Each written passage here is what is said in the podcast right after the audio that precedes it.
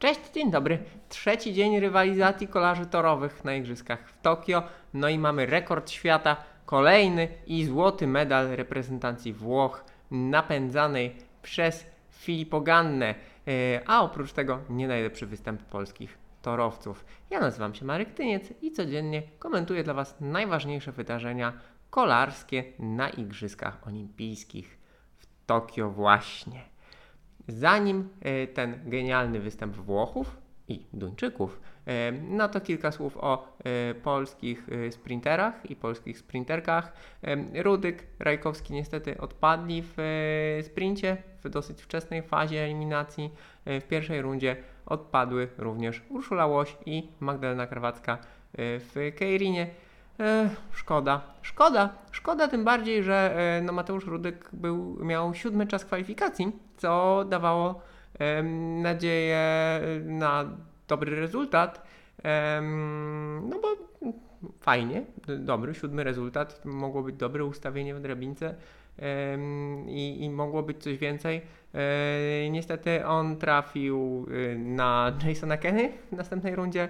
E, Rajkowski trafił na Webstera, no i e, krótko mówiąc było posprzątane. E, nie poradzili sobie w repasażach, no i, no i tyle. Są jeszcze szanse w Keirinie. Zobaczymy, co tam będzie. Mm, Natomiast no szkoda, bo czas był dobry. Trzeba powiedzieć, że czas Mateusza Rudyka naprawdę był przyzwoity, no ale dalej coś nie zagrało. Bywa i tak. Natomiast 4 km, czyli ta esencja e, creme de la creme kolarstwa torowego, e, no i fenomenalna, fenomenalna rywalizacja Włochów z Duńczykami. Obie drużyny pobiły rekord świata.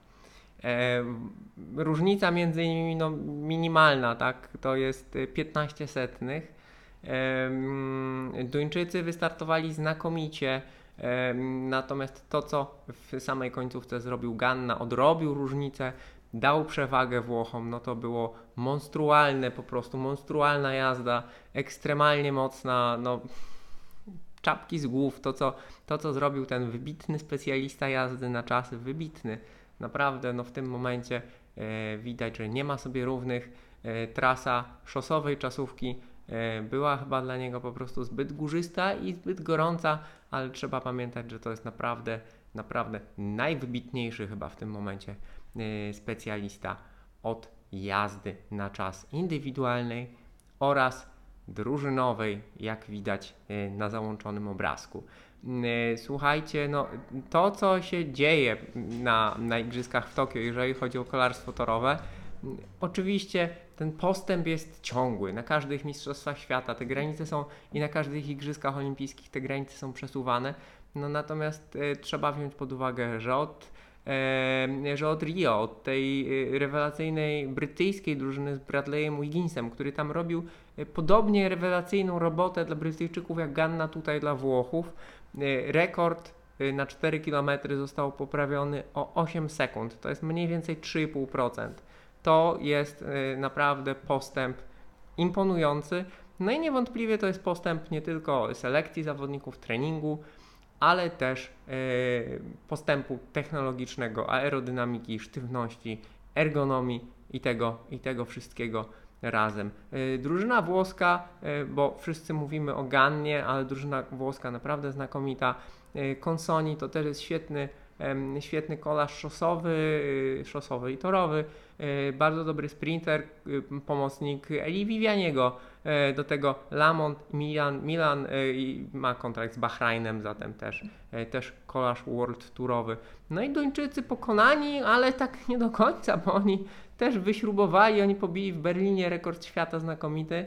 No i tutaj wyśrubowali ten rekord świata nadal, ale Włosi byli jeszcze bardziej, ale Włosi po prostu byli, byli mocniejsi. Fajnie, że po tych wczorajszych perypetiach i kraksie z Brytyjczykami pozbierali się, no i zaprezentowali kolarstwo na najwyższym poziomie dzisiaj. Niestety byli lepsi. O ten odrobinkę, o tą odrobinkę Włosi byli lepsi, byli lepsi o Filippo po prostu. E, W rywalizacji o medal brązowy Australijczycy dogonili Nowozelandczyków. Em, Australijczycy też w znakomitej dyspozycji tutaj.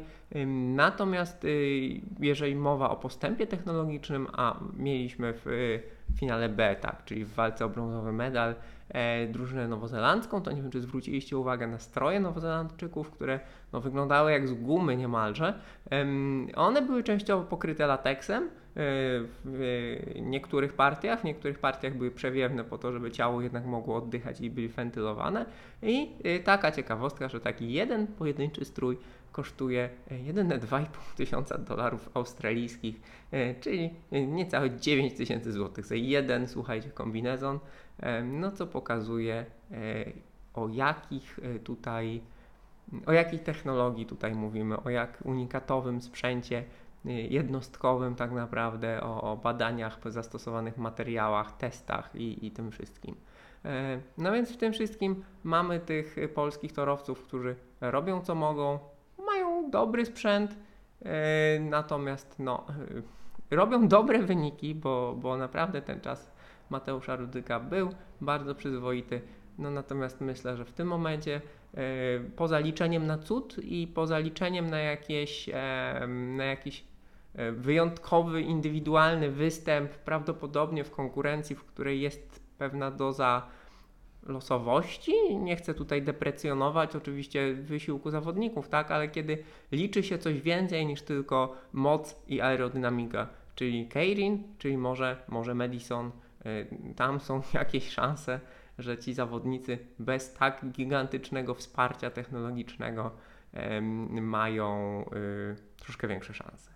Em, No i co moi drodzy, y, to, to by było tyle, jeżeli chodzi o 4 km, o sprintach em, mówiłem, o Keirinie mówiłem, one wtedy te konkurencje będą się rozstrzygały w kolejnych dniach. Jutro mamy początek y, Omnium mężczyzn, kolejne rundy sprintu panów oraz finały Keirinu pań. Keirin zdecydowanie polecam, bo jeżeli chodzi o taki poziom rozrywki, jaki y, konkurencje torowe mogą y, dostarczać, no to Keirin jest zdecydowanie wysoko, bo jest dynamika, jest moc, jest y, ten pilot na motorowerze, y, więc wszystko jest atrakcyjne wizualnie. Także moi drodzy, dziękuję Wam dzisiaj za uwagę. Pozdrawiam widzów, pozdrawiam słuchaczy na podcastach. No i do zobaczenia, do usłyszenia. Mam nadzieję jutro. Cześć.